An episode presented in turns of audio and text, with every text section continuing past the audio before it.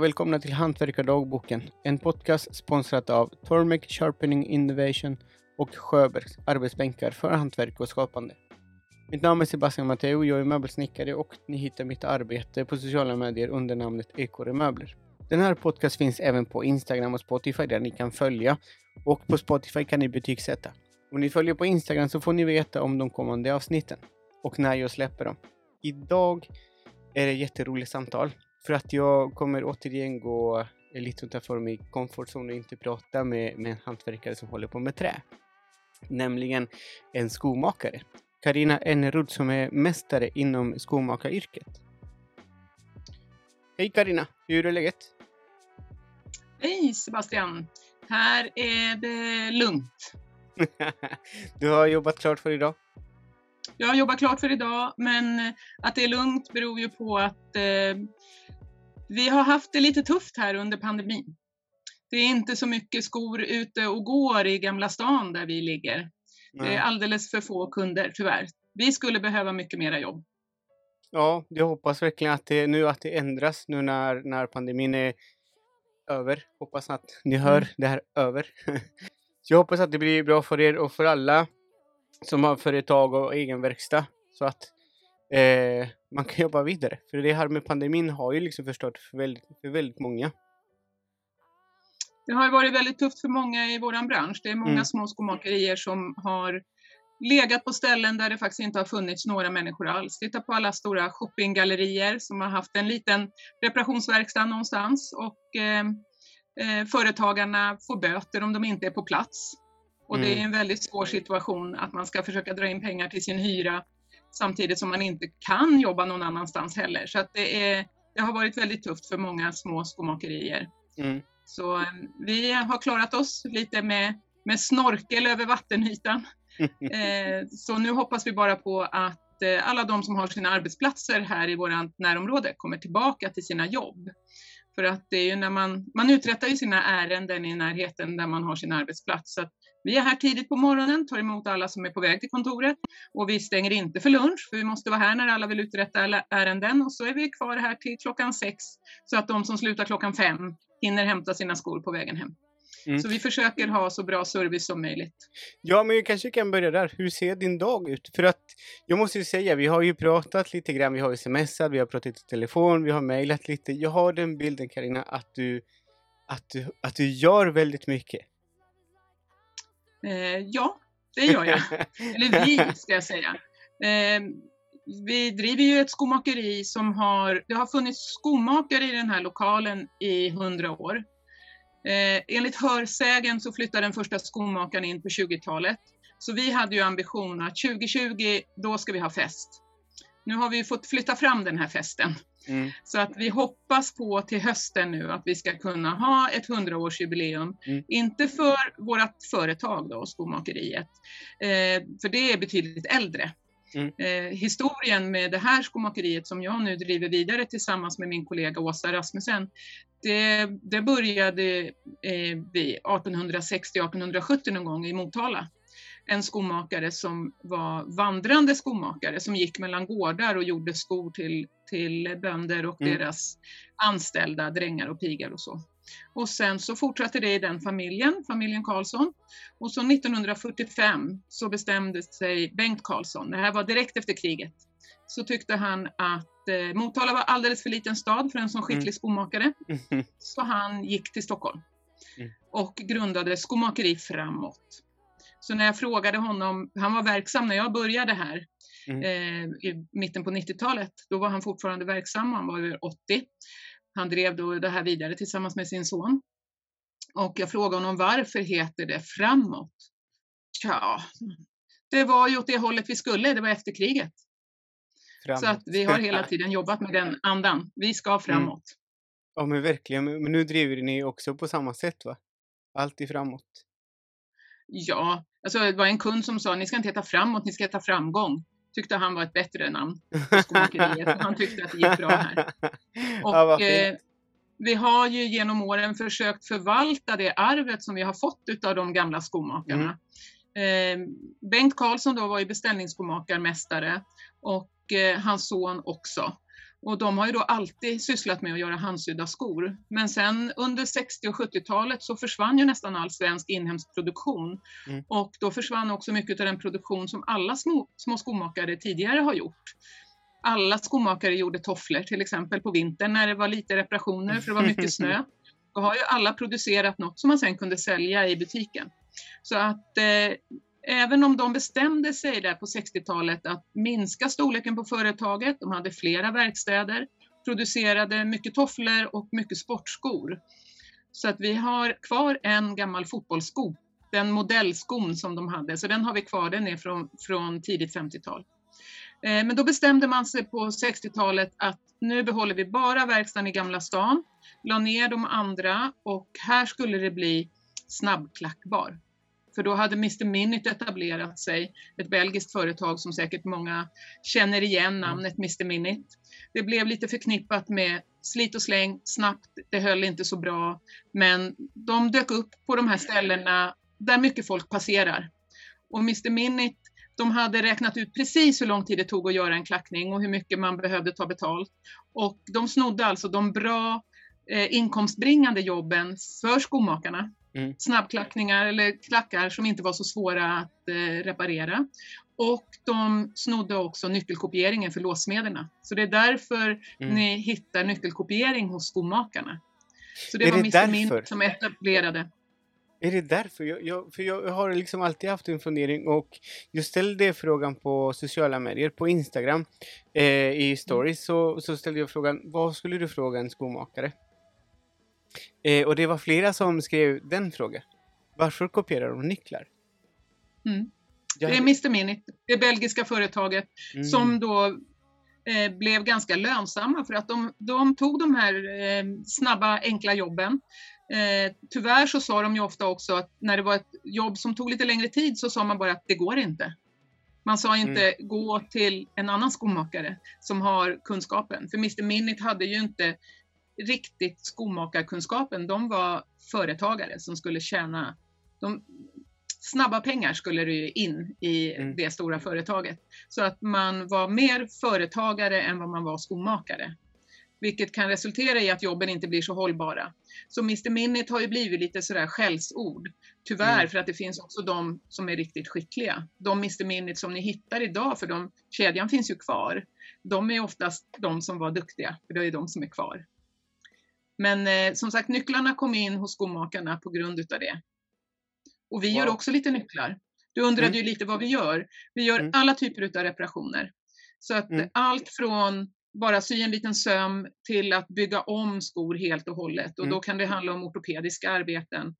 Man har benlängdsskillnader så att man behöver höja den ena foten eller man vill sy om sina skor till stövlar eller stövlar till skor. Eller. Mm. Så att eh, allt. När, när börjar du på dagen? För att du, du sa att du stänger klockan, klockan 18. Mm. Men när vi börjar, börjar klockan 8. Klockan 8? Vi mm. öppnar 8, så vi har öppet 8 till 18 måndag till mm. fredag och lördagar och söndagar har vi nu under pandemin öppnat för de kunder som inte har vågat åka in när, mm. när de möter andra kunder i butiken. Och så att lördag förmiddagar brukar jag kunna vara, vara på plats och ha göra provningar och så och lämna mm. ut saker när det har varit de som är lite för oroade. Och mm. eftersom man själv inte reser någonstans heller så har det inte varit något större problem för att jag, jag bor här också så att mm. inte just på verkstaden men Nätstrand. Bor, I, samma hus. Men... Bor i samma fastighet ja. Jag måste säga att jag blev nästan lite boxad av så mycket information av hur, liksom rent historiskt, jag älskar det. Älskar verkligen liksom hela berättelsen, att det gick från en vandrare skomakare till att det blev en verkstad och det du berättar med, eh, vad heter det, Mr. Mi Minute? Mr Minute, Mr. Ja. Minute. Och allt som har hänt liksom, det, det är ju Alltså komma tillbaka till historien att hur, hur skomakaryrket ser, ser ut idag och hur det, var för, hur det var för hundra år sedan. Det är ju för mig eh, superviktigt att kunna, att kunna berätta och du kan den här delen. Du kan den här historien. Men jag, jag tänkte fråga, när tog du över verkstaden och hur, hur gick det till? Eh, det gick till så, vi kan ta lite min historia. Jag började ju 84 började jag som reparationsskomakarlärling, för vi har ju flera grenar inom skomakeri. Eh, de flesta jobbar ju med, bara med skoreparationer för att man har inte det finns inte efterfrågan på handsydda skor i den utsträckningen så att det är, många, det är inte många verkstäder som sysslar med det. Utan man är reparationsskomakare. Så att jag började och så var jag i tio år uppe på en verkstad på Östermalm. Och jag är skräddarutbildad från början. Så gymnasieutbildningen var på Sankt Görans gymnasium där jag gick eh, eh, sömnad och skrädderi. Mm. Och eh, eftersom jag då kunde sy så fick jag hjälpa till på ett skomakeri på Östermalm. Mm. Satt vid symaskinen och sydde skinnställ och väskor och andra sömnadsarbeten. Men sen mm. tyckte jag de verkade ha så mycket roligare där i det andra rummet, där bakom. så att jag fick egen nyckel och fick vara kvar. Och latcha runt lite, vilket är jättekul när man tycker att det är mysigt på en verkstad. Så mm. att det jag gjorde då var att jag tog med alla skor som jag hade och jag hade ju då gått skräddarutbildning och då sydde man ju om allt man hade. Man hade ju inga pengar att köpa nya tyger för så att vi länsade ju second hand-butiker på den tiden och så sydde man om. Och då hade man ju också massa second hand-skor som jag började plocka isär och klä om dem med textil. För att jag ville lära mig, jag hade ju lärt mig tillskärning och då ville jag försöka förstå hur ser skorna ut då i mm. tillskärningsstadiet. Så jag hade ingen lärare som talade om för mig att så här designar man en skomodell och så här ritar man mönstret till en sko, utan jag plockade isär mina skor och plattade ut dem för att försöka förstå hur den här tredimensionella formen egentligen ser ut när den är platt. förlåt, förlåt, där måste jag avbryta det och göra upp på det. Så du liksom bara öppnade, liksom plattade till skorna för att se del för del hur den, liksom, hur den var byggd? Yes. För att förstå det på, alltså det ser som att ta isär en, en miniräknare, och ta bort alla skruvar för att se vad som finns inuti. Precis. Precis så. ja, precis så. Och så tyckte jag då att eh, om man då hade ett par skor som var sköna och bekväma men fula, istället för att måla dem, då klädde jag in dem med tyg. Och det har vi fortsatt att göra och det tror jag att vi är ensamma om. Eh, jag vet att det har funnits en i England som också gör det och det här var en service som många skomakerier hade, alltså ända in på 60-talet. Att man kunde lämna in sina skor, till exempel om man skulle gifta sig, så kunde man klä om skorna. Då har man ett par sköna ingångna skor som passar för fötterna mm. och så klär man dem i den textil som man vill. Mm. Och samma som man styr klänningen i eller om man har en, en väska i något och så då fixar vi till dem. Då har man sina bekväma sköna skor som förut var ärtgröna, så gör vi ordning dem och så är de med vit spets istället. Och det har vi fortsatt att göra. Vi får inte så jättemånga sådana beställningar per år, men vi har haft skor både i Buckingham Palace och på Nobelfesten och på Melodifestivalen och sådär. För att det är betydligt enklare att klä om en sko som man vet passar foten än att göra ett par helt nya skor. Så det är en, en snabbare väg till någonting som en kostymtecknare till exempel vill att någon i de eh, shower och melodifestivalarrangemang och sånt där, att man mm. har stylat artisten och skorna kan ju vara ett problem. För eh, kostymdesignen kan designa något riktigt wild and crazy och hur ska man hitta de skorna? Vi mm. har sko-Uno och sen nu har vi ju internet som man kan köpa saker. Men ja. det bästa är ju när man har något som redan passar och så klär vi om dem bara. Ja men verkligen, vilket, vilket, vilket arbete. Ja, men det är ganska roligt. ja, men... det är inte svårt. Saker som är roligt är inte svårt. Ja, men alltså det krävs ju en hel del erfarenhet tänker jag. För du, för liksom, du, du, du säger nu liksom, det som är roligt är ju, är ju inte svårt. Men det krävs ju den erfarenheten för att kunna hantera liksom det, det, exakt det du gör. För det är många som mm. tycker, till exempel i mitt yrke, möbelsnickeri, att det är superroligt men det är otroligt svårt. Mm. Så om men jag, jag, om jag skulle jag har ge mig den här känslan. Ja, jag har ju den här känslan av att jag är ju inte på arbetet, men det känner väl du också, när man får hålla på med det som man tycker om, ja. så är det ju inte ett arbete. Och jag, jag har en, eller tyvärr har haft en, en gammal italiensk kollega som var verksam i Malmö, eh, en väldigt god vän, och han eh, blev väldigt upprörd när han blev tillfrågad av en journalist hur länge han hade arbetat som skomakare. Och han var ju yvig i sina gester, så han slog ju bara ut med händerna och sa arbetat, jag har inte arbetat en dag i mitt liv, jag är skomakare. det är väl lite så vi som är hantverkare och har varit det länge, det är väl mm. så vi känner. Så du håller med honom? Man är, ju ett med sitt yrke. Mm. Och jag tycker inte att det är, det är inte ett arbete, det är inte arbetsamt. För mig är det ett arbete att gräva diken. Det är ett arbete, det är jobbigt och arbetsamt. Ett jobb är jobbigt. Här är det inte jobbigt. Men du är inte ensam där i verksamheten, ni är flera. Ja, vi är flera. Mm. Eh, som jag sa, jag driver det här tillsammans med min kollega Åsa Rasmussen. Och Mm. sen så har vi Anna Lindqvist vars syster du pratade med, Sara Mm. Lindqvist som är Mm. tapetserare.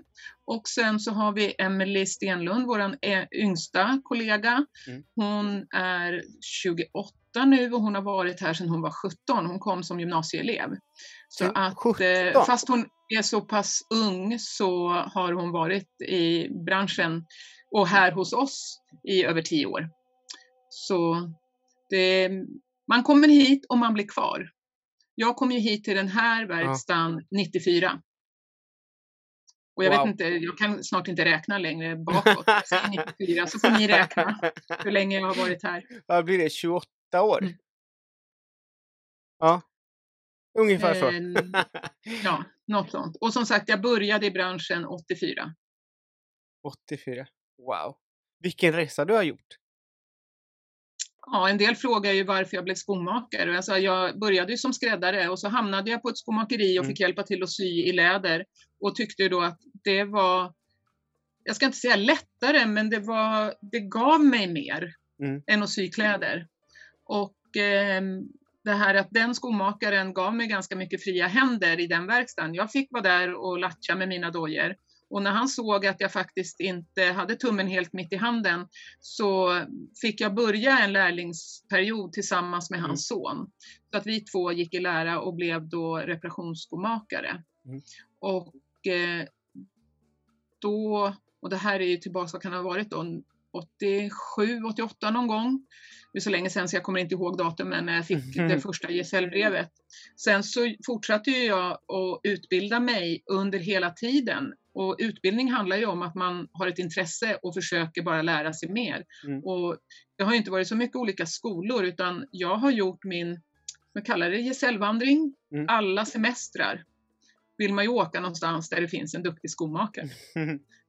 Så om man tar med sig en påse bullar till och pratar sig in till verkstaden och så får man hänga där lite och så får man lära sig och så har man knutit en kontakt som man sen alltid kan gå tillbaka till när det är någonting man fastnar i eller att man behöver hjälp och råd med material eller tekniker. Och, och är man öppen och låter folk komma in och titta här så har man ju igen det att man får också komma in hos kollegor. Så att jag har väl varit runt i, i världen, USA, England, Tyskland, Island, Danmark hos kollegor genom de här åren.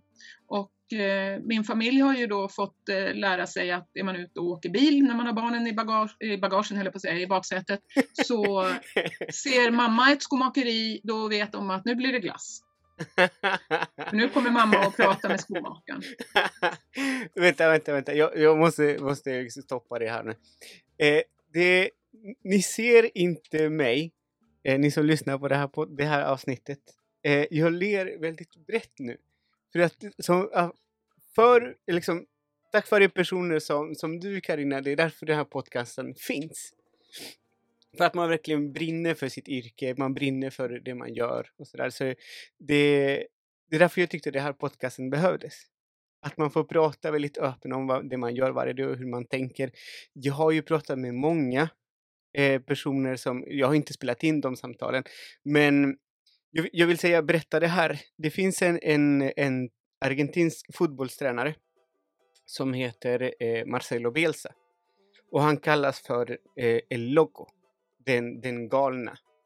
Eh, Mm. och han kallas för den galna för att han kunde gå upp tre på morgonen för att han drömde om en viss strategi och så bara gå upp och skriva ner det och han var liksom besatt av sitt arbete. Eller ja, som tränare. Men jag har pratat med, med en hel del hantverkare, inte bara möbelsnickare, som har gjort i princip samma sak. Ibland så drömmer man om det man vill göra Mm. och äter man så man helt borta för att man tänker hur ska jag lösa det, hur ska jag lösa det? Och så går man upp kanske mitt i natten och har svaret till, till det man ska göra. Och har man en verkstad nära eller hemma så går man upp och gör det bara. Eller så Mm. håller man sig vaken till klockan tre på natten, man går upp klockan fem. För att man, man brinner för det man gör. Och det är så otroligt härligt att höra. Och jag ser det liksom att du berättar och bara också ler att det du, det du Mm. precis säger, du vet din familj också. Att det, att det, ja, är det liksom skomakeri, då blir det glass. Ja, För nu, nu, nu till exempel i min familj, de vet varför jag spelar in det här podcasten. Så nu är de där inne i vardagsrummet och vet att pappa jobbar eller liksom har ett samtal med en annan hantverkare. För mig känns det här, det här är vad podcasten är. jag kan inte förklara det på ett annat sätt. Mm. Så jag vill redan säga nu tack för att du vill vara med på det här, på det här podcasten. Jag, menar, jag, jag måste ju säga att man, man är lyckligt lottad som har hittat rätt. Mm. Jag, jag har en kollega i USA, hon syr cowboyboots. Hon är en av våra absolut världens skickligaste på att sy de här fantastiskt dekorerade cowboybootsen.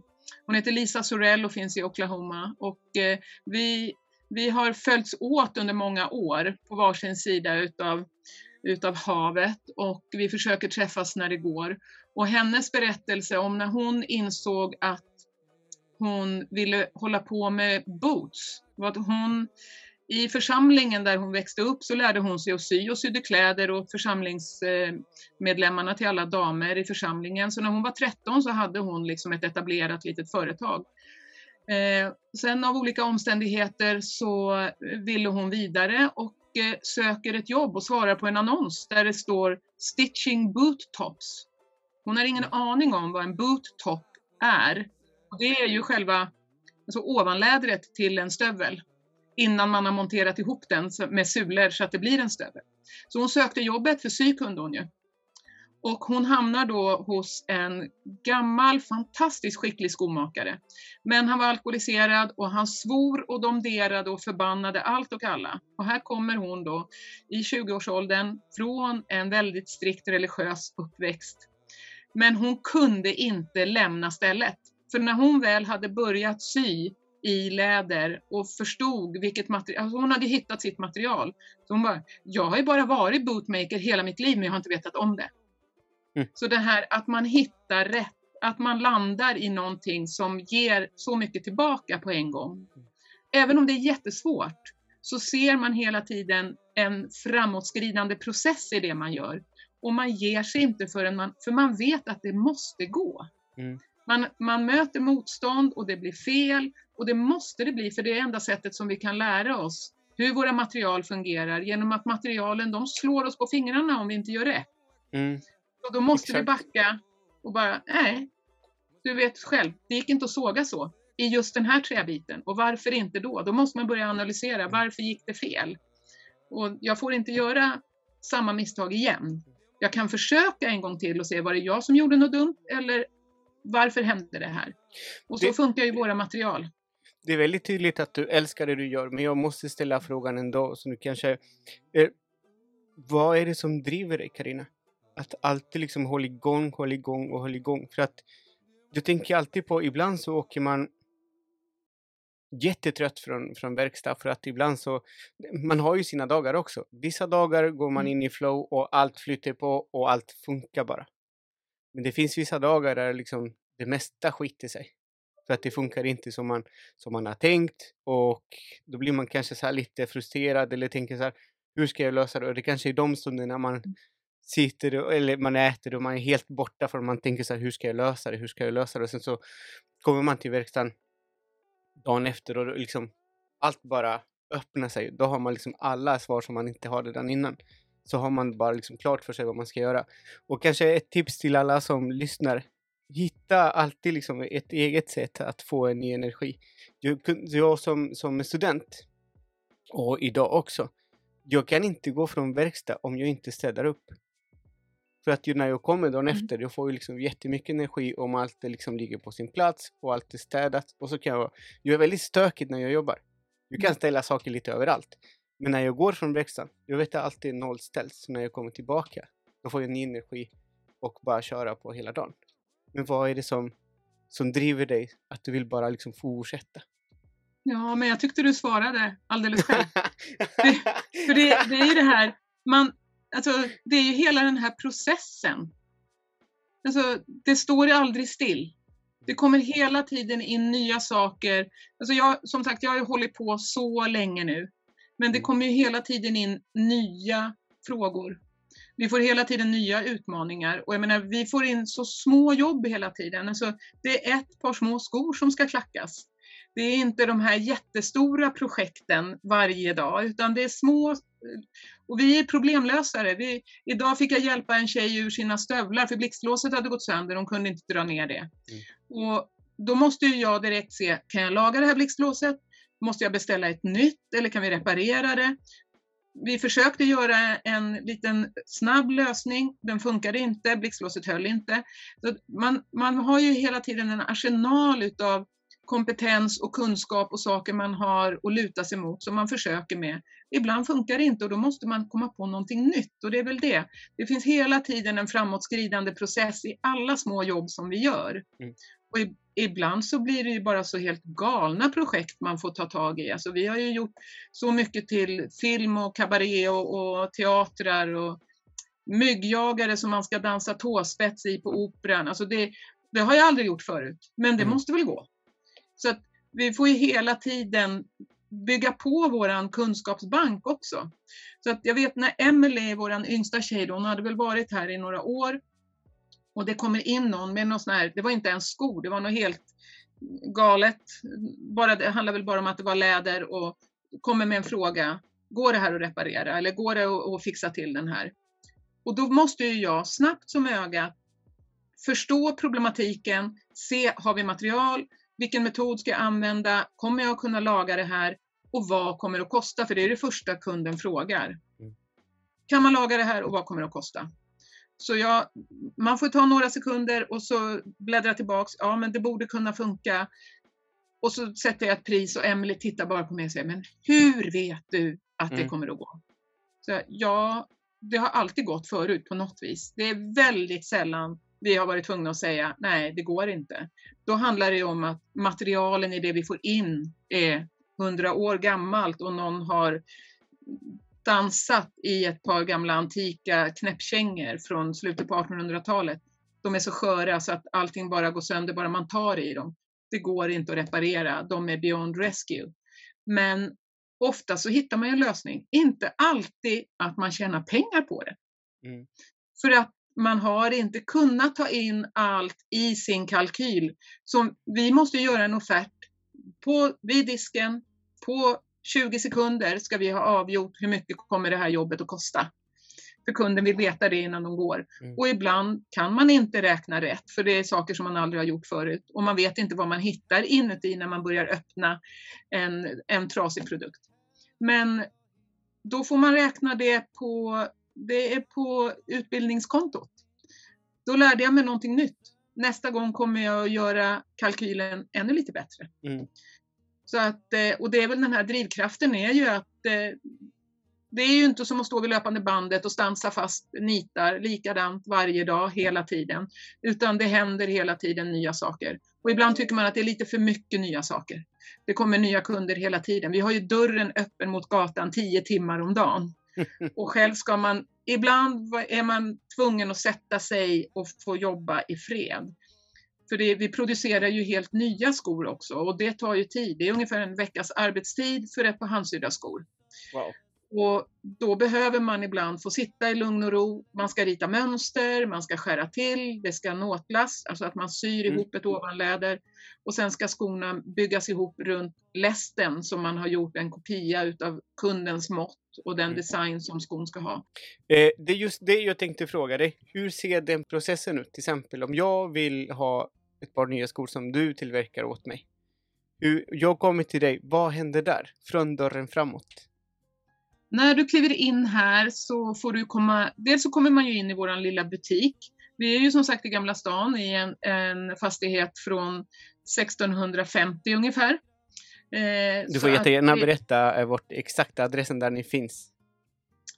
Vi finns på en liten gränd som heter Sven Vintappares gränd. Mm. Och vi är lite malliga då för att vi är ju kunglig hovleverantör utav sko, un, vi underhåller ju skorna till hela hovet, till hushållet och till hovstaterna. Är det och, sant? Eh, ja. Vad Firman roligt. har, varit, firman har varit hovleverantör sedan 1963. Wow. Och, och då, då får jag ju malla mig lite och berätta den historien om när Bengt Karlsson då, han som kom från Motala, han eh, reparerade två par herrskor åt en kund och kunden hämtade och lämnade verkstaden nöjd och glad och kom tillbaks några dagar senare och frågade om mäster visste vem skor det var han hade reparerat. Och eh, Bengt han svarade väl som att ja, det är väl hans. Nej, det är hans majestät. Och han undrar om mäster vill bli hovleverantör. Så på den vägen så är vi hovleverantörer utav allt skounderhåll som behövs till hovstaterna och det handlar ju om uniformskor och, och ja, ceremoniskor och det som kungafamiljen behöver för sina representationer och allt sånt. wow. Så att, eh, Vilken, vilken grej. Vilken ära att kunna göra ja, det. vi, vi är lite malliga då när, Mm. eh, när vi träffar alla andra hovleverantörer och nu snackar vi ju alltså bilmärken och Mm. alltså, ni vet ju vad man kan hitta hovleverantörsmärket. Det är ofta, inte alltid, men det är stora företag. Det är Delicato och det är, är de som, alltså Annas pepparkakor och det är stora företag. Nästan alla andra har ansökt om att bli hovleverantörer. Så vi mallar oss lite och säger Mm. att vi kunde ju ha sagt nej. Vi har ju blivit tillfrågade. Nu var det inte jag, det var Bengt. Mm. Men vi får, man blir kontrollerad hela tiden. Man måste lämna in sin, sin bokföring och visa att allting är i ordning. Och eh, så fort det blir ett ägarbyte så blir man kollad och får visa upp vad man håller på med och ska bli godkänd utav de som är då kunderna inom hovet. Så att eh, när jag började här så hade vi fortfarande riksdagens öppnande med drabanter i gamla uniformer så att då kunde det vara trångt här på firman när det kom in ett 20-tal drabantstövlar, alltså det är höga kragstövlar, Mm.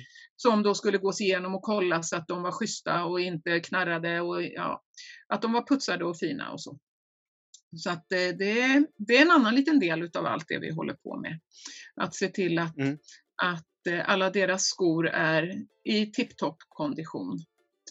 Så, eh, och det är, vi är ju ganska nära, nära, vi är nära till slottet. Mm, Och, så att vi säger, vi har ju kung, kungen är en av våra, en utav våra grannar. Vi servar ju väldigt många grannar Ja. och, och kungen är en utav dem. Det var roligt. Eh, Han har ju bara och- lite större hus än alla andra. Ja, en aning. Och nu kan man tycka det kanske skulle kunna bli användas bättre än att bara vara museum. Men eh, det, är ett fantastiskt, det är fantastiskt att få vara här i den här miljön. Men när man då kommer hit, oavsett om man är kung eller om man är busschaufför, så får man komma in i det rummet som är bakom. Butiken är ju öppen för alla, men bokar man tid så kommer man in i det som är våran verkstad. Vi har inte något tjusigt mottagningsrum som de kan ha hos beställningsskomakarna i London. Då får man sitta i en Chesterfield-fåtölj och det är kristallkronor och det är äkta mattor och man blir mottagen av en eh, distingerad herre i kostym som böjer knä och tar en smått. Eh, här kommer man in i verkstaden och det uppskattar ju nästan alla för att det är ju en väldigt unik miljö. Att få komma in bland alla våra läderrullar och läster och helt galna maskiner kan man ju tycka när man inte förstår deras funktion. Så första besöket här är en fotoskoanalys. Då tar vi reda på hur fötterna funkar, vad man har för svagheter och styrkor, vad man vill ha för modell på skor, vad, det är, vad skorna ska användas till, om det är bara en vardagssko för promenad eller om det är, man kanske har en idrottsgren som man vill bli starkare Mm. i fötterna i och att, att skorna man har är, är dåliga för fötterna. Mm. Då kan vi vara med och hjälpa till så att fötterna mår bättre. Men Och första besöket är en måttagning. okej. Vad- hur, hur tänker ni? Hur, vad, vad, hur mätte man där? För att alla, alla fötter är, liksom olika. Och jag tänker också så här, vänstra och högra fot också har kanske olikheter. Absolut. Vi mäter, alltså, det kan ju bli upp till ett tiotal mått per fot. Lite beroende på vad det är för typ av skor man ska göra. Så är det olika mått vi måste ta. Och eh, då får vi bara cirkulärmått. Så när fötterna har gått härifrån så har vi ju bara ett mått. 24 centimeter och vi ser ju inte, ser det ut så eller så Mm. eller så. Vi har fortfarande samma mått. Så att vi får ju bara det är mycket information som vi saknar när fötterna inte är här hos oss. Där kommer ju vår erfarenhet in. Att vi gör också belastningsavtryck så att vi får fotspåret kvar här. Precis som om du går med blöta fötter på en brygga. Mm, så har vi de fotspåren kvar. De, det är ett belastat avtryck. Då ser vi vad som händer när man står, hur man tynger ner på fotsulorna. Och så gör vi måttagningen obelastat. Då får vi se hur foten ser ut i vila och så mäter vi foten när den är i vila. Sen så tar vi fram ett par läster, ett par träfötter som har den här specifika proportionsmåtten. Hur långt är det från hälen fram till stortåleden där foten böjer sig? Hur hög är vristen? Så att alla de här måtten ska stämma och så ska tåformen och klackhöjden på de skor man vill ha också stämma på den här träfoten. Så träfoten som heter läst, den är alltså inte en kopia utav fötterna. För då skulle vi få skor som ser ut som våra fötter. Mm. Och det vill de flesta inte ha, även om jag själv förespråkar barfotaskor med tår för att vi ska få bättre fothälsa. Men det är en helt annan story.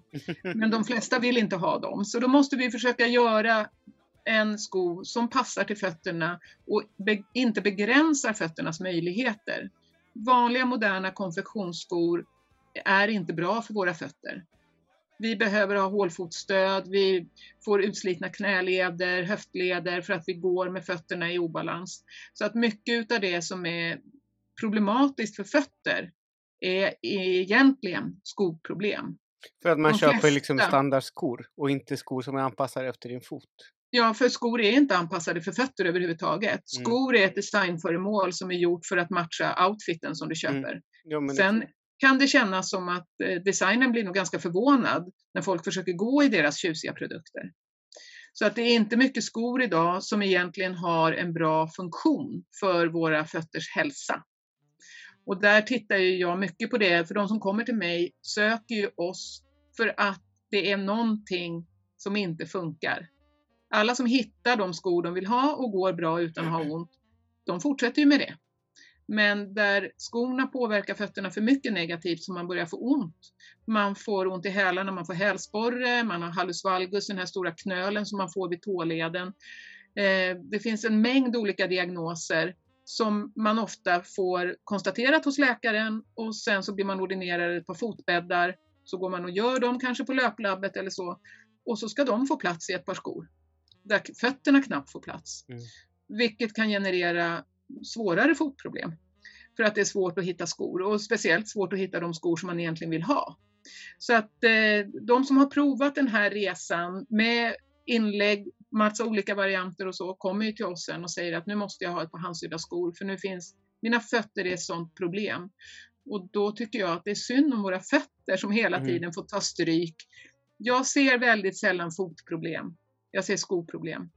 För nästan alla som kommer till mig säger bara, tänk vad skönt det är när jag får vara barfota. Och då tycker inte jag att vi har problem med våra fötter. Då har vi problem med skor som inte låter våra fötter må så gott de kan. Så det här är en del utav analysen. Jag måste ta reda på hur mår fötterna? Vad är det som gör ont? Vad är det som är besvärligt? En del kommer ju hit bara för att de vill ha knallblåa skor som inte går att köpa. Man har inga problem med fötterna, man har problem att hitta den sko man vill ha. Men de flesta söker ju oss och våra tjänster för att det är besvärligt att hitta någonting som man mår bra i.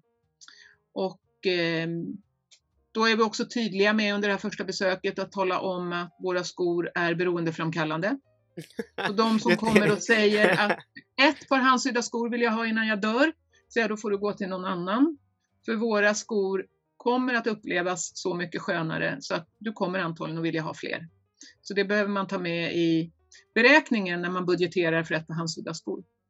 Men om jag får fråga, jag tror att det är rätt så många tänker att så här, få att, att du ska tillverka en sko. Så kanske man tänker så här, oj, men vad, vad kommer det här kosta? Och så tänker man, men alltså, om jag hade börjat med att ställa frågan, vad kostar de skorna som du kommer tillverka? så kanske man hade reagerat. Men nu har du berättat allt mm. ni gör och tänker mm. för att det ska, liksom, ens fötter ska må bra för att man ska må bra. Men vad kostar ungefär ett par skor? Om jag, om jag åker till, till dig och, och vill liksom från scratch? Från scratch? Eh, ungefär 20 000 och uppåt. Det handlar ju om Eh, ett par skor, är, det begreppet är ju så brett. Det är allt från, skor är allt från flip-flop till ridstövlar. Mm. Vi, vi har ett, ett väldigt brett spann, så därför är det ju alltid svårt. Folk ringer och frågar, jag vill ha ett par handsydda skor, de ska vara svarta, vad kommer de att kosta? Ja, vilken, vilken typ av skor? Hur ska vi sy dem? Hur mår dina fötter? Alltså det är så många parametrar Mm. som spelar in. Men vi säger under 20 000 så är det väldigt svårt för oss att hinna få ihop någonting Mm. överhuvudtaget. Alltså ungefär en arbetsvecka för att sy ett par skor. Vi ska ha fyra besök utav kunden här. Det första besöket är mottagningen och fotoskoanalysen. Besök nummer två är prova sko i en provsko. Vi har gjort i ordning skor som inte sen kommer att användas för att vi ska få en indikation på att vi har fått alla mått på precis rätt ställe.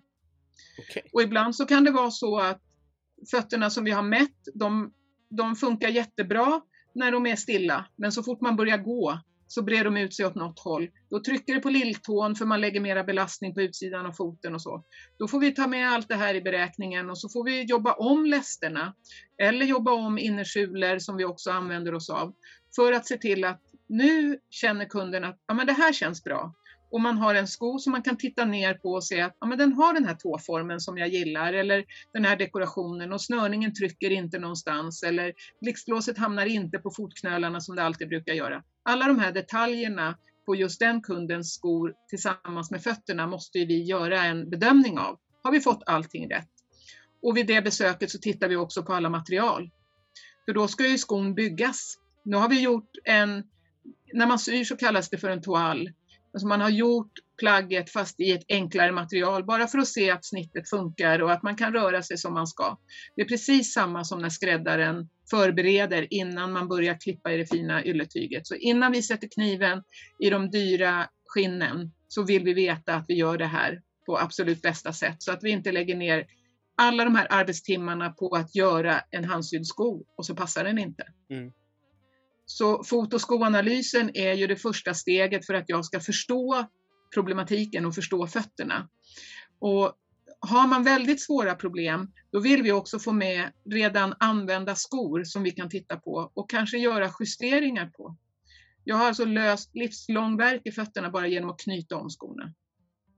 Wow. Så att ibland så kan vi göra justeringar under den här fotoskoanalysen så gör vi justeringar när jag har sett Ja, det är en kabelsfot, den har ofta de här problemen. Då ska vi inte ha en snörning som trycker på de här nerverna. Då knyter vi om dem och så får vi se om det blir bättre, för då vet jag hur jag ska göra de skor som ska produceras. Och ibland så löser vi de här problemen redan under den här timmens fot och skoanalys. Så behovet av handsydda skor är inte kvar, för vi har löst problemet. Det brukar ändå i slutändan generera att vi får sy ett par skor, för då har vi visat kunden att vi fattar vad vi håller på med. För ska man lägga 20, kanske 25 000 kronor på ett par skor så vill man ju gärna veta att de blir skönare än de där som man har köpt hos skomakaren i London, som ändå gör ont. Hur ska man våga lita på att vi gör det här bättre? Då gör jag hellre enklare justeringar och vinner kundens förtroende och kanske inte får den där beställningen den dagen. Men av erfarenhet så vet vi att de här beställningarna kommer ofta. Ibland kan det vara så att inte den kunden lägger en beställning för vi har löst det problemet. Men den kunden kommer sen att ha med sig andra. Ja, men Det- exakt. Exakt. Det är inte ovanligt att ja, men jag måste ju ta med min mamma hit som alltid har haft så ont. Och här, kan jag köpa sådana här sulor till min, till min dotter? Hon behöver ju också det här. Så i morse hade jag en far och dotter på besök här. Far har vi löst många problem åt och nu har hans fötter blivit bättre. Då fortsätter vi ta bort lite saker som har hjälpt hans Mm. fötter som han inte behöver längre. Och dottern som idrottar vill bli lite starkare i fötterna och då hjälper vi henne med det. Wow.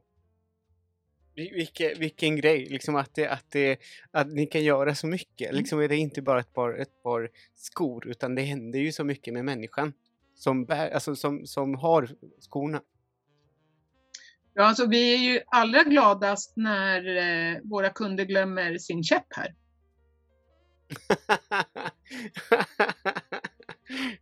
ja, verkligen. Det där säger ju så otroligt mycket. Ja, har man nu lyckats lösa problemet att man faktiskt vågar gå igen och att vi, Ja. vi har ju hållit folk i arbete. Alltså, kunder till oss som har, har fått skor via landstinget och har fått svårare och svårare fotproblem och till slut så lyckas inte ortopedverkstäderna lösa problemen och kunden blir, blir eh, erbjuden en permobil. Eftersom de inte lyckas lösa problemen med skor så att kunden inte längre kan gå. Då fixar vi skorna så att de fortfarande kan hålla sig rörliga. Och du undrade vad det är som driver oss. Ja, ja. exakt.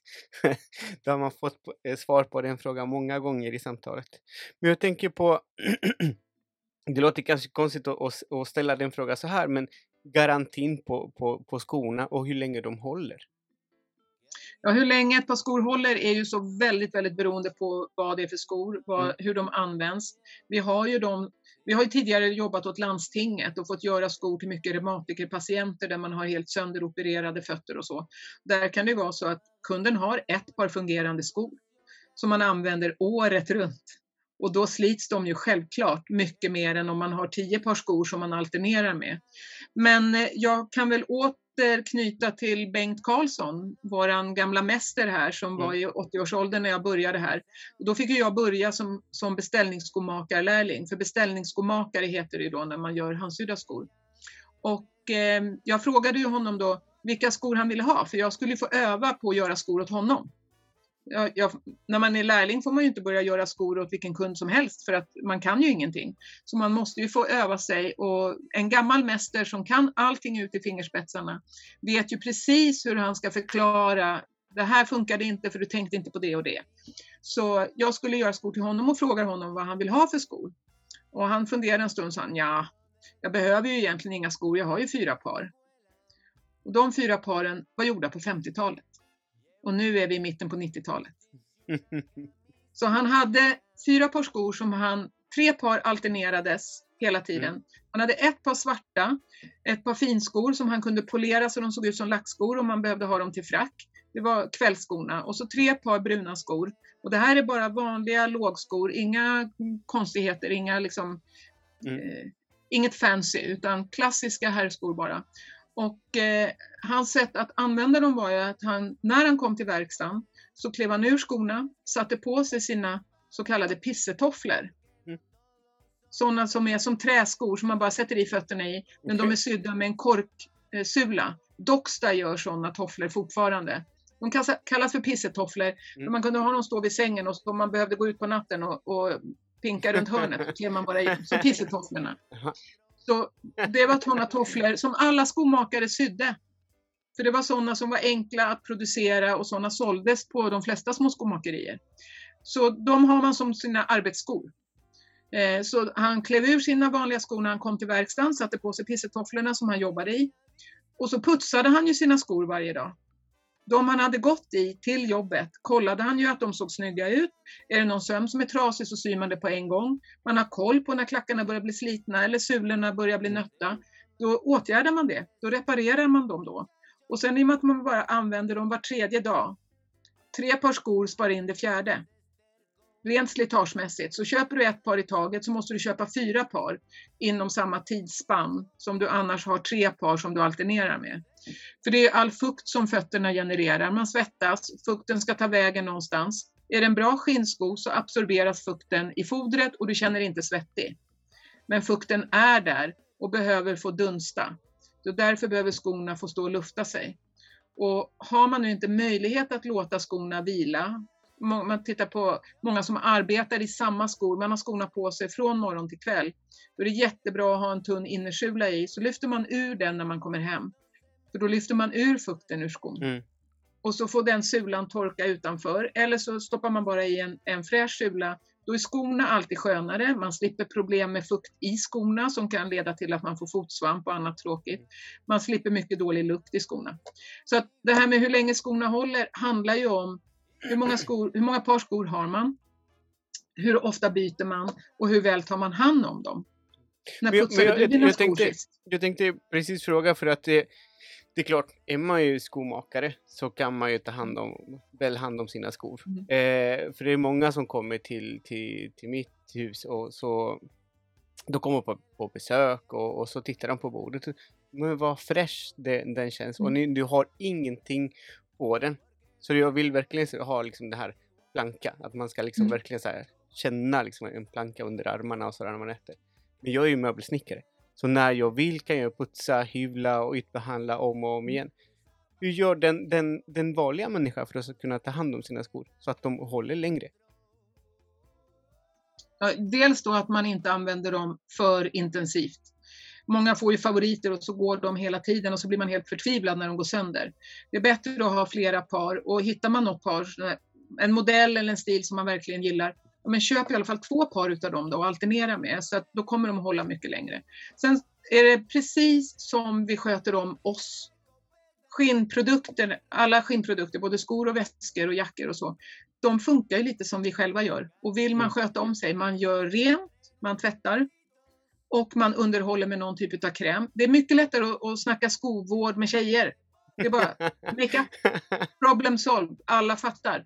Det är rengöring, man smörjer med någonting som antingen är en fet kräm, tänk handkräm om man är torr om händerna, ännu fetare för fötterna för att man är ännu torrare där, kanske någonting fuktgivande för ansiktet.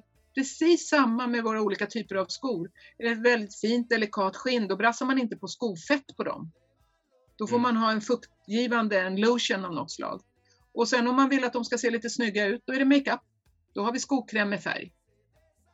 Så det är grunden. Mhm. Rengöring och så någonting som vårdar och någonting som bättrar på utseendet. Och det är ju helt beroende på vad det är för skor. Du kan inte brassa skokräm på ett par mockaskor.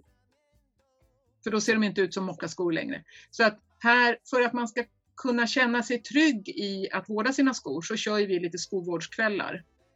Nu har vi inte kunnat göra det. På, under pandemin har det ju inte gått. Men annars så kan man boka en kväll här. Mhm. Fyra, fem personer tillsammans och så har alla med sig två, tre par skor.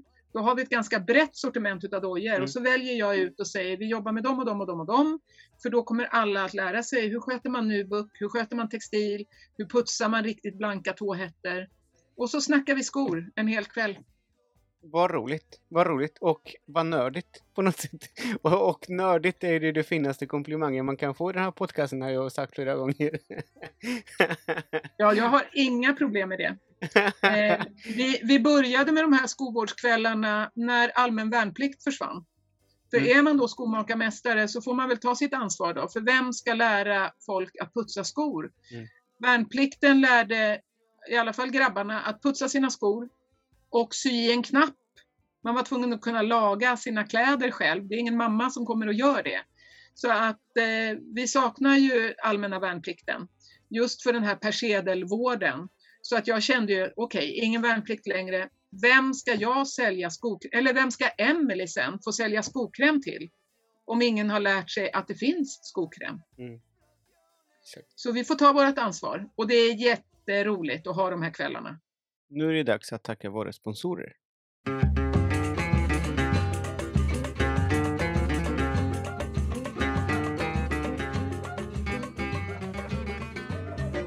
Först vill jag tacka Sjöbergs. Sjöbergs arbetsbänkar för hantverk och skapande som i år fyller 100 år. Från hjärtat av Småland, svensk hantverk, av hantverkare för hantverkare. Jag har själv en eh, Sjöbergsbänk. En eh, original 1900 i modellen jag har och jag är väldigt nöjd med den bänken. Och det brukar alltid hända saker på den bänken. Eh, jag brukar tälja, snickra, skapa olika saker. Eh, och ibland så kommer sonen och sätter sig på bänken och så leker vi och skapar tillsammans, vilket känns väldigt fint och viktigt för mig. Kolla på Sjöbergs hemsida www.sjöbergs.se där ni kan kolla hela sortimentet och de erbjudanden de har där. De har hyvelbänkar, arbetsbänkar för hantverk och skapande för träslöjd, textilslöjd, för hemmabyggaren också. De har bänkar upp till två meter långa och som har mindre arbetsbord också som går att montera i princip var som helst. De har även symaskinbord och klippbord med förvaringslådor. Som sagt, titta på hemsidan www.sjöbergs.se och tack Sjöbergs för att ni stödjer Hantverkardagboken. Nu tackar jag Tormek Sharpening Innovation, ett företag från Lindesberg dedikerade att utveckla bästa slipplösningar sedan 1973. De har fyra modeller att välja mellan. Deras maskiner är T1, T2, T4 och T8. T1 och T2 är mer inriktade till restaurang för att kunna slippa knivar. T4 och T8 det är för att kunna slippa allt från borrar, hyvelstål, knivar också. Eh, allt inom slöjd och möbelsnickeri. De har jiggar till allt du kan tänka dig som gör det enklare för alla att kunna ta hand om sina verktyg och kunna hantera slipningen som inte alltid är så enkel att göra på fri hand. Vassa verktyg är hemligheten för bästa resultat. Tormek gör hantverket lite enklare och roligare. Tack Tormek för att ni stödjer Hantverkardagboken. Vill ni köpa Tormeks produkter så kan ni kolla på hyvler.se och använda koden TORMEKRABATT som ger 10%. Hyvlar.se finns i Farsta och vill ni prova maskinen så är det bara att åka dit och testa. Kom ihåg koden TORMEKRABATT så får ni 10% på hela Tormeks sortiment.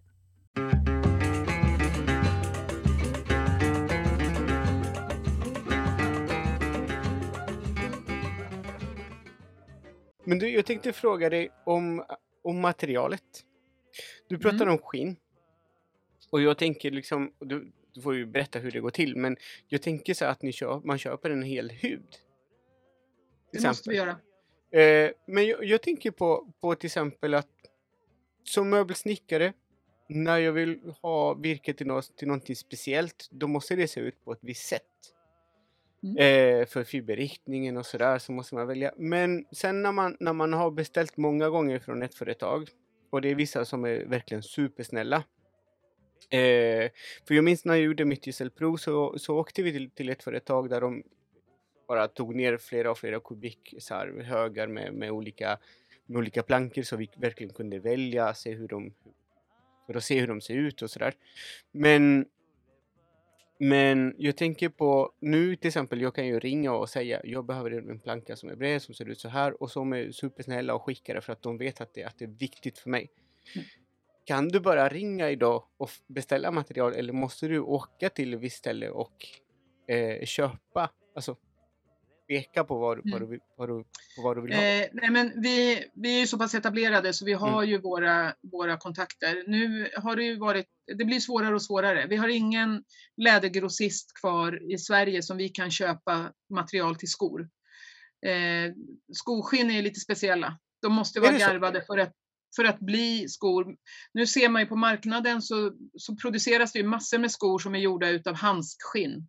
Speciellt damskor och damstövlar görs av jättemjukt material och det tål ju inget slitage. Mm.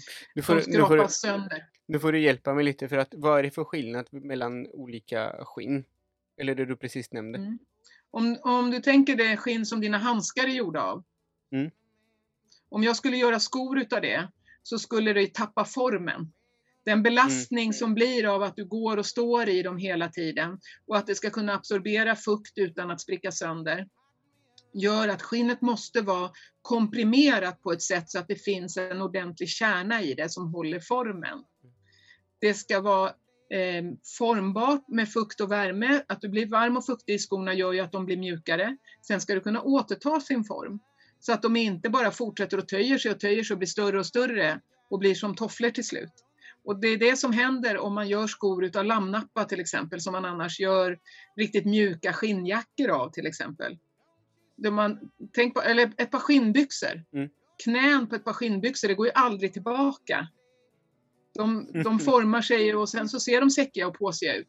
Så att vi ser ju de här allra mjukaste skorna. Man behöver inte ha stått så lång stund i dem förrän man ser alla tår. Och så har de fått formen utav tårna.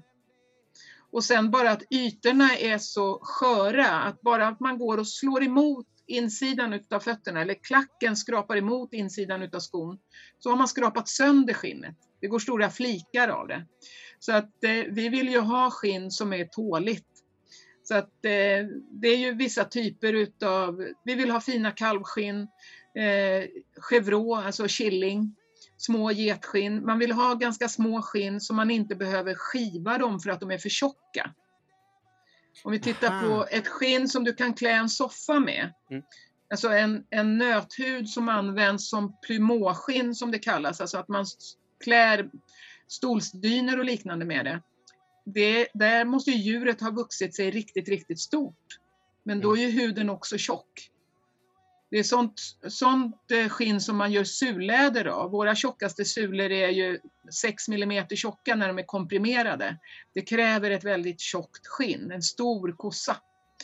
Eh, men till ovanläder då vill man ha de små djuren för man vill ha hela skinnets egenskaper kvar. Man vill inte ha skivat det som en osthyvel. För då blir det svagare och svagare. Så att om man tycker att man har fyndat för att man har köpt ett par skinnskor, men det är ju äkta skinn och de kostar bara 400 kronor. Ja, fast det kanske är tredje lagret skinn, det som är egentligen så poröst och osammanhängande så att man har varit tvungen att spraya på en plastyta på det för att få det att hänga ihop. Det blir lite IKEA-möbler mm. utav de sämsta bitarna. De får fortfarande kalla det skinn och vi har ingen rangordning. Det finns ingen poängsättning på att det här är bästa kvaliteten och det här är en sämre kvalitet. Utan det är priset som avgör. Jag tänker mm. på en, kanske, kanske inte gör någon skillnad, men jag tänker på en hel hud. Finns det liksom olika, olika delar av själva hudet som, som är bättre på skorna? Eller, eller liksom Absolut. är, det, är det så? Absolut. Vi vill ha, vi vill ha ryggen för ner runt magen har ju skinnet blivit alldeles uttöjt och runt ljumskarna så har det ju rört sig så mycket. Tänk den här delen när man mm. går. Runt ljumskarna där benen rör sig som mest, där är materialet väldigt, väldigt uttöjt och skrynkligt. Så att eh, jag skulle säga att det kanske är ja, någonstans 50 procent utav huden som kan bli skor. Resten blir provskor. Det är de här bitarna som inte duger att göra riktiga skor av. De blir de här testskorna som vi gör. Då kan vi göra i samma material som kunden sen väljer, men i de dåligare bitarna för det ska ändå kastas sen. Och när vi ska göra ett par skor så är det ju bara det är ovanlädret som man ser. Men sen är det ju massor med delar inuti. Det är tåkappor och bakkappor och sidfoder och en massa extra förstärkningar och det är bindsulor med gelänker och fyllnader. Alltså det är så många olika delar. Jag skulle säga 15-20 olika delar i ett par skor. Och eh, det är ju inte då en kossa kan inte bli ett par skor. Utan vi behöver ha så många olika skinn. Sulläder är ju något helt annat än ovanläder.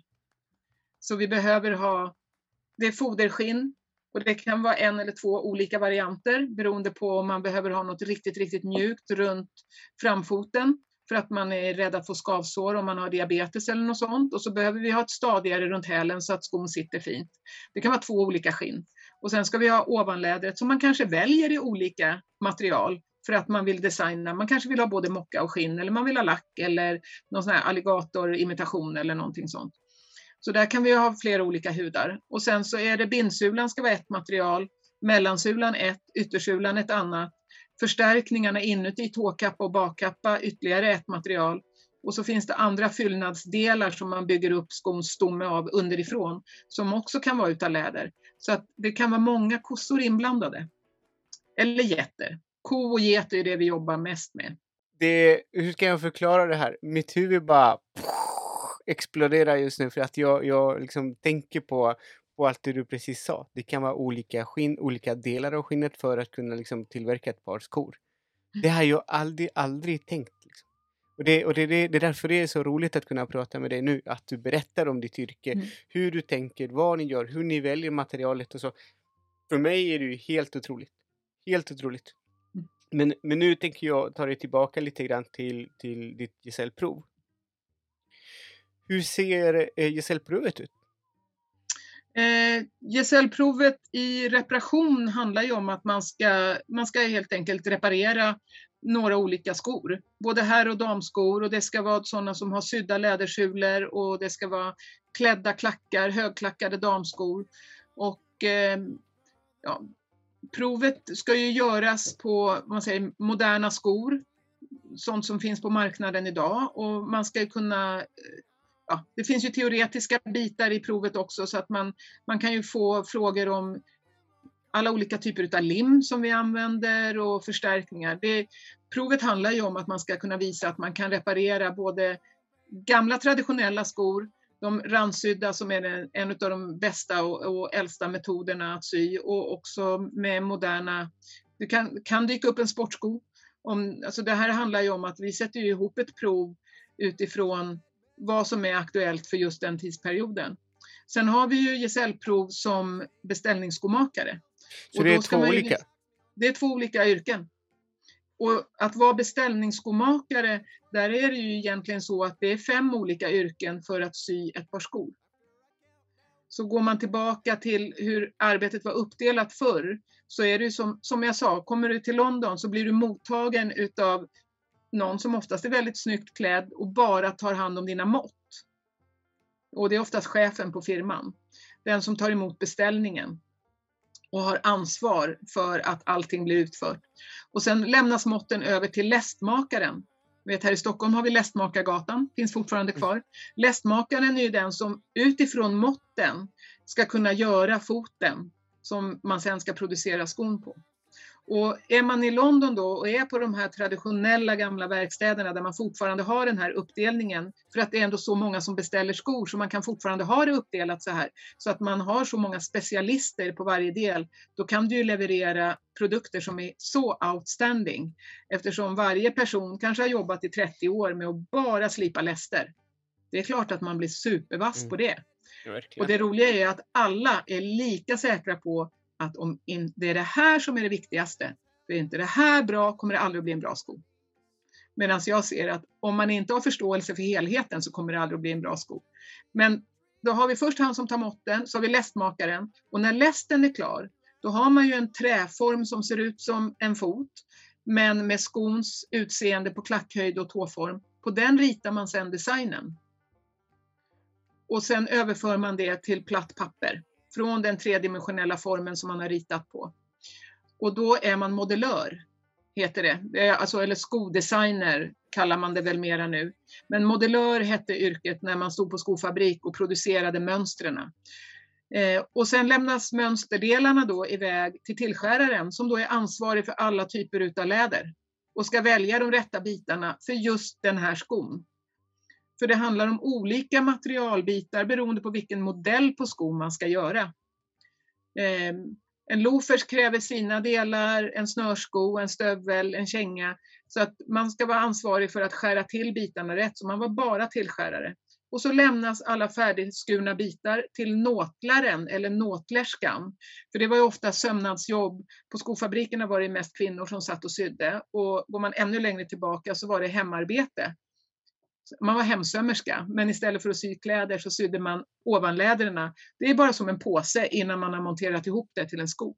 Så då har vi ju nåtlerskan som syr, sen kommer skomakaren. Man får den färdiga ovanlädret och bygger ihop en sko utav det. Så att vårat gesällprov till eh, beställningsskomakare, då kan man alltså få sitt färdiga ovanläder och bara bygga ihop skon, visa att man kan alla de här stegen med hur man, hur man sträcker det så att det får rätt form, hur man eh, syr ihop ovanläder och sulor och hur man bygger klackar och sen hur man gör slutpolishen för att de ska se snygga ut. Och där är vi fortfarande kvar med verktyg som är 100 år gamla. Alltså när man jobbar med handverktygen det har vi väldigt lite nya. Vi har mängder med gamla. Folk tror att vi har en museihörna. Vi bara, nej men de där använder vi hela tiden. Vi fick en förfrågan här bara för några dagar sedan när en kille sa, jag såg att ni hade gamla verktyg, kan jag få köpa dem? Jag samlar på sådana. Men jag säger, samla, de ska ju användas. här vill vi inte tillhöra någon samling. Då blir man nästan sådär, ja men han kanske har verktyg som skulle göra vårat jobb lättare för att man kan få en riktigt snygg finish för att man har ett riktigt bra verktyg. Så de vill man ju inte. Det är som om du skulle hitta en, en hyvel som är helt unik och helt fantastisk, oanvänd och 80-90 år gammal, toppfinish på den och så är det någon som har den står i sin bokhylla för att den är snygg. Mm. När den skulle kunna göra arbetet och ibland kanske inte det gör arbetet lättare men bara känslan av vackra fungerande funktionella verktyg. Känslan när man får ta det där hammarskaftet på den här hammaren som jag ärvt efter en italiensk skomakare, den är så nött så att den har ett tumavtryck. Så då får jag ju känslan av att allt det han har gjort finns ju kvar på något vis. Vi förvaltar ju bara den här kompetensen och alla de här timmarna som de här verktygen har varit verksamma. Så nej, vi har inga museihörnor även om det ser ut som ett museum. Vart kan man plugga till, till skomakare då? Eh, det finns en skola, Utbildning Nord, uppe i, oj, nu Utbildning Nord heter den uppe i Tornedalen någonstans, som har en, en kortare skomakarutbildning. Eh, sen så har vi Hantverksakademins mm. eh, och eh, utbildningen i Leksand, hantverk och utbildning där, som har YH-platser för mm. skomakare. Men då måste man ju ha en, en mäster att vara hos, för det är ju rena lärlingsutbildningar. Jo men exakt, men det, jag tänkte liksom, för det, det, det ju, jag trodde liksom, eller förväntade mig att du skulle säga det, att genom Hantverksakademin att man kunde få en plats som lärling. Men då måste man ha mästare. Men hur många mästare finns i Stockholm eller i Sverige som kan ta emot de här lärlingarna som är superintresserade? Eh, ja, hur många skomakare som finns? Alltså, vi är ju väldigt få som är beställningsskomakare. Mm eftersom det är en sån liten marknad i Sverige med mm. handsydda skor. Så att där är det ju jättesvårt. Vi har ju några mindre skofabriker kvar fortfarande. Vi har Rättviks skotjänst som syr sandalsydda eh, folkdräktsskor till exempel. Och jag har en kollega uppe i Östersund, Janne Melkersson, som håller kortare kurser. Man kan om du nu Sebastian tycker att det här verkar jätteroligt så kan man vara hos Janne en vecka. Han tar lika mycket betalt för den veckan när du är där tillsammans med honom i verkstaden som om du beställer ett par skor av honom. Mhm. Så det är en lärare, en elev. Och så gör man ett par skor tillsammans. Och där är det väldigt många av mina kollegor som faktiskt har börjat man har liksom börjat latcha lite med att göra skor och så har man insett att ja, jag behöver jag behöver en mästare att jobba hos. Och så är man en vecka hos honom och får alla de här stegen, har fått sett och fått prova och sen får man åka hem och fortsätta. Så jag har flera kollegor i USA till exempel som har börjat sina karriärer och som idag är jätteskickliga skomakare. Så att det är ju inte så att man måste gå en lång lärlingsutbildning, men det beror ju också lite på vilken typ av skomakeri man är intresserad av. För många nördar ju in sig på en speciell stil på skor. Vi är ju så dumma så vi håller på med allt. Vilket gör att man, man har en otrolig bredd men man kommer ju aldrig att ha den där superspetskompetensen. Jag kommer aldrig att kunna göra de där skorna som är som otroliga smycken. Men det är inte därför jag är skomakare heller. Jag har gjort skor som har tagit medaljer i, i, europeiska tävlingar och jag är helt nöjd med den kompetensnivån som jag är på. Och min, vinsten för mig är ju att jag faktiskt hjälper folk att kunna gå ordentligt. Och våra skor är vackra mm. och de är fina och de är hållbara. Och jag har inte ambitionen att göra någonting som ska stå på museum som ett helt otroligt eh, konstföremål. Det kanske jag gör sen när jag går i pension, men det kommer ju att dröja för att jag har inte träffat någon skomakare som pensionerar sig före 80-årsåldern. Så att eh, jag, jag, räknar med att hålla på ett bra tag till. Och en liten sak bara om det här att gå i pension. Gamla mäster här, Bengt, han sa när han hade insett att jag inte hade tummen helt mitt i handen, så tyckte han så här, ja, kanske jag kan gå i pension i alla fall. Men att gå i pension var inte att sluta komma hit. Om man är beställningsskomakarmästare då går man i pension när man bara behöver göra tredje paret skor till varje kund. För första och andra paret skor, då är man fortfarande inne i analysfasen. Vad behöver de här fötterna? Vad vill den här kunden ha? Vad förväntar sig kunden?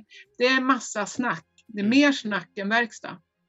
Och hans önskan var ju, när han blev skomakare, så var det ju att få sitta och sy skor. Och det kan man göra när man har levererat par 1 och 2. Då kan kunden ringa ner och säga, ja du vet ju vad jag behöver, gör ett par, gör ett par oxblodsfärgade den här gången. Då plockar man fram mappen, man plockar fram lästerna så kan man sätta igång. För vi har all information vi mm. behöver. Så att det, det är min pension. Så gå i pension. Då syr jag tredje paret skor till varje kund. Då är det bara att trappa ner lite och göra bara det roliga. Ja, fast jag, är, jag tycker att det är roligt mötet med, med kunderna. Ja, men du tar ju emot väldigt många. Eh, ja, vi har väldigt mycket kunder, men eftersom ett par skor som vi gör här, de är ju hållbara, så det är inte så att, att kunderna återkommer månad efter månad för att de behöver nya skor. Utan det är ju snarare så att, åh vad kul, återbesök, här är ett par skor som vi gjorde för fyra år sedan. Nu är det dags att ge dem en rundsmörjning. Och alla våra kunder, de förstår ju hur de ska sköta om sina skor, men våra skor slits ju också. Men de kommer ju väldigt ofta på återbesök och det är ju jättetrevligt. Jag tänkte, har du tänkt på att lära ut? Förutom de här Ja, alltså- kvällskurserna som, som ni har att ta hand om sina skor och sådär, men har du tänkt på, på att lära ut? Eh, ja, att vi lär ut, vi har ju, alla som är här har ju gått som lärlingar här. Så att vi har ju alltid haft lärlingar. Mm. Så att man, man börjar ju sin karriär som skomakare och flera har ju gått härifrån, en del har inte fortsatt i yrket. Men eh, alla, både Anna, Emelie och Åsa är ju utbildade här och jag också. Så att eh, i den mån man har tid och möjlighet och eh, ork, får man väl säga också, så, så har vi ju alltid varit både lärling, ge- gesäll och mästare på verkstaden. Nu har vi haft en lång period med pandemin där man inte har vetat om företaget ska klara sig. Eh, Så att nu tar det ju ett tag att jobba sig tillbaka till, till normalläget igen Mm. och sen får vi ju se. Jag, jag tänkte, jag, jag frågade precis om, gesällprovet, men jag förmodar att det finns en, för att gesällprovet ska kunna liksom granskas, eh, så förmodar jag att det finns en, en mästarförening inom Mm. sko, skomakaryrket. Ja. Hur eh, drivs det här föreningen? Eh, Den heter Sveriges Skomakarmästarförbund och sedan årsskiftet är jag ordförande i föreningen. Och eh, vi, vi har öppnat upp föreningen för fler medlemmar. Förut var vi en, en avtalstecknande part med facket, så vi var en yrkesorganisation. Mm. Och nu har vi gjort om vår förening så att vi nu kan ta emot alla skickliga skomakare. Så även de som är anställda, de som är lärlingar på väg in. Vi har gjort olika nivåer i medlemskapet. Så att om man är intresserad så kan man gå in på www.skomakare.se och där finns det möjlighet att ansöka att bli medlem. Och då får man ju skicka in uppgifter om sig själv, tala om vad man har för bakgrund, för vi kräver ju för att bli fullvärdig medlem så måste man ha avlagt gesällprov eller skicka in ett arbetsprov. För att det handlar fortfarande om att vi ska ha en viss kompetensnivå Mm på, på de som är fullvärdiga medlemmar. Men vi vill också ha in de som är nya i yrket.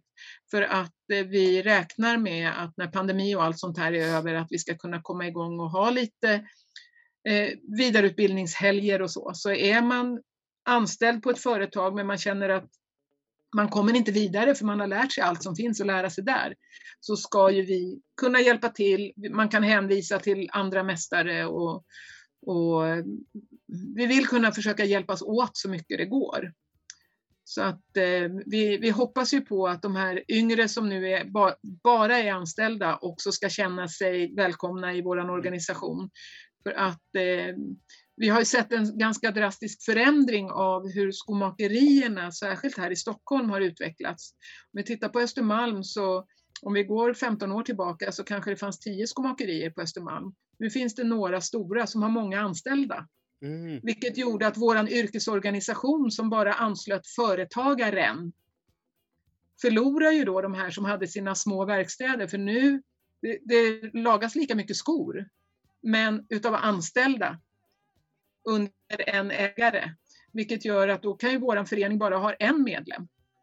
Fast det kanske är tio Ah. stycken som jobbar. Ja, Så att det är ju inte så att vår förening har minskat i medlemsantal för att det har försvunnit, visst har det försvunnit mycket skomakerier, men eh, inte i den utsträckningen som, så det finns fortfarande yrkesmän, men yrket bedrivs på ett annat sätt.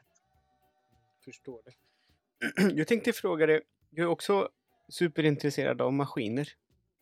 Hur Okej. gamla, hur gamla är dina maskiner? Ja, sådär. Hundra år. och, de är fort, och de funkar fortfarande? Ja, in, alla är ju inte det. En del Mm. måste man ju byta ut för att Mm. det är liksom, de slits. Det, och eh, slipmaskiner som drivs med remdrift, det går inte i en modern verksamhet att ha Mm. sånt. Det är arbetsmiljöproblem med. Och Mm. Man, man måste, allt måste vara inkapslat så att man inte fastnar i saker och sådär. Så mycket är ju uppdaterat och utbytt och vi har ju pressar med tryckluft och vi använder spikpistoler Mm. och så. Men mycket av handverktygen och mycket skärverktyg och gamla alltså symaskiner som syr fast lädersulor och så. De, där har vi ju maskiner som är sedan 20-talet. Så att eh, nej, men de gamla mekaniska maskinerna, de är fantastiskt vackra. Mm. Tänk de här gamla svarta Singer symaskinerna. När våran skomakare, alltså den reparationsmaskinen som vi alltid har haft ute i butiken, när det inte längre gick och reparera den, för de slits ju. En gammal trampmaskin ska man inte hänga på motor på för den slits för mycket. Mm. Delar, det blir skevt och det, ja, till slut tröttnar man på en maskin som gör hoppstick hela tiden när man syr. Så att vi var tvungna att skaffa en ny maskin. Men den är ful. Vi byggde om butiken för jag vill inte att kunderna ska behöva se den för den är ful. Jag ville ha den här gamla svarta vackra singelmaskinen. Den är kvar hos oss för ibland måste vi använda den. För den har egenskaper som de nya moderna inte har. Eh, Carina, du fick en liten hemläxa. Eh, och du skulle få ge oss några tips om eh, kan vara utställningar, böcker eh, eller Instagramkonto. Har du någonting som du kan eh, tipsa oss om? Ja, om man vill se eh, fantastiskt vackra cowboyboots. Min eh, underbara kollega Lisa Sorell i Oklahoma. Man kan väl säga att det är skoporr. Man, man, man fastnar, man vill bara se mer när man börjar titta på hennes saker. Och man måste titta på de här fantastiska bootsen med tanken om att ingenting är målat. Varje liten färg som finns i de här mönstren är utskuret med skalpell och hopsytt igen. Det är alltså som en mosaik. Lite Och här har intarsia-aktigt. vi här, här har vi, alltså det är konstverk. Hon har en sån konstnärlig ådra så att det är helt outstanding. Hennes design är helt unik.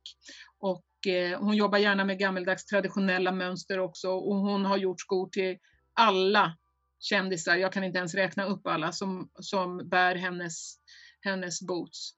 Eh, Så titta gärna in på Lisa Sorell, en fantastisk eh, personlighet och fantastiska produkter. Sen här i, i Sverige, om man, om man vill gå en kurs och lära sig göra skor och få göra sig ett par skor så gör man det tillsammans med Janne Melkersson på Melker Shoes i Östersund. Och det är som att åka på retreat. Han är en fantastisk person. Man har honom för sig själv i en vecka och man kommer därifrån med ett par handsydda, randsydda skor. Man säger klassisk herrskomodell, men självklart gör man ju till sina egna fötter. Så man får ju diskutera med honom om vilken storlek man har och så börjar man ju med att göra i ordning sina fötter, sina läster. Och sen åker man därifrån med ett par handsydda skor. Och han tar inte mer betalt för det än om han får beställningen på skorna. Så att, eh, Vad roligt att kunna man- vara med i processen, att kunna tillverka ens egna skor. Ja, och sen är det ju, man är med och får göra saker i den mån han ser att Mm. man kan och att man ändå kommer att bli färdig. Så att eh, det finns ju inte en chans att man helt utan kunskap kan producera ett par skor på en vecka. Men tillsammans med honom, så man får vara med och man får prova att skära och känna hur känns det här? Och hur känns det att sy med syl och bäcktråd och allt sånt. Så att det är väl en jättetrevlig, Mm. eh, det är en retreat. Det är en semestervecka Vad roligt. och bara njuta av. Mm. Annars är man ju jättevälkommen till Gamla stan. Det är Mm. väl ett av mina absolut bästa tips. Gamla stan kryllar av hantverkare. Man måste bara lyfta blicken från Västerlånggatan. Mm. För i Gamla stan så arrangerar vi något som vi kallar för hantverksvandringar. Det finns en hemsida, hantverksvandringar.se. Va? Vi det, det, kommer förlåt, det hade jag ingen aning om. Vad är det här? Du, bara gå ut på hemsidan och titta. Eh, vi, när vi var som flest som var aktiva så var vi över 20 producerande företag. Det är så lokalproducerat man kan komma. Man kan eh, vi kan eh, visa verkstäder som producerar korgmöbler, peruker, vi har en ölbryggare, vi har en mjölnare som mal mjöl innan de börjar baka på morgonen. Vi har silversmed, guldsmed, eh, fiolbyggare, vi som gör skor, vi har en barberare som gör eh, hårvårdsprodukter. Vi har pappersmakare. Det finns hur mycket som helst i Gamla stan. Så vi har samlat alla Gamla stans hantverkare i en förening. Och bara pandemin ger sig ordentligt nu så vi vågar öppna våra verkstäder och tränga ihop folk igen. För att eh, en del verkstäder är ju pyttesmå. Så, eh, men på hantverksvandringar.se så hittar man de företag som är aktiva. Vi kommer att uppdatera den ganska snart. Vi håller nu på och ska sätta ihop programmet för hösten. Och då kommer man och går en promenad på ungefär två timmar och då hinner man in hos tre hantverkare. Och då får man alltså komma in bakom kulissen. Och när man kommer till mig så brukar jag säga det att ja, men alla som kommer in i rummet här bakom, beställer ju ett par skor. Så att det är liksom biljetten in, så att jag förväntar mig att eh, man ska inte bara komma här och kika in, utan det här är bara första etappen till sina handsydda skor. Ja, vad roligt. Tack så mycket för, för jätteroliga tips. Det hade, jag måste säga, jag hade ingen aning om det här, det sista du nämnde. Eh, för er som lyssnar, jag kommer länka till allt som Karin har tipsat om Jag kommer länka i beskrivningen, så kolla där. Eh, lyssnar ni på Spotify, där jag brukar tipsa att ni ska lyssna på den här podcasten. Eh, klicka där det står texten och, och så, vissa mer så kan ni så kan ni se allt som står och alla tips kommer få med. Och Karina, ni finns också på Instagram. Vad heter ni där? Absolut. Både på Instagram och Facebook. Mm. Vi heter ju bara Skomakeri framåt. Mm. Så det är super, super lätt att hitta och jag kommer länka till allt du Karina, du har gjort väldigt mycket. Du har berättat väldigt mycket du gör och vad ni gör i verkstaden och vad man kan göra. Men har du någon speciell minne till någon viss kund eller produkt som du har tillverkat under den här tiden? Eh, oj, ja. Eh, när folk frågar vilka som är mina favoritskor så dels så har jag en favoritsko som är gjord av en skomakare som heter Salvatore Ferragamo. Det är ett märke som fortfarande finns. En helt fantastisk regnbågsfärgad platåsko.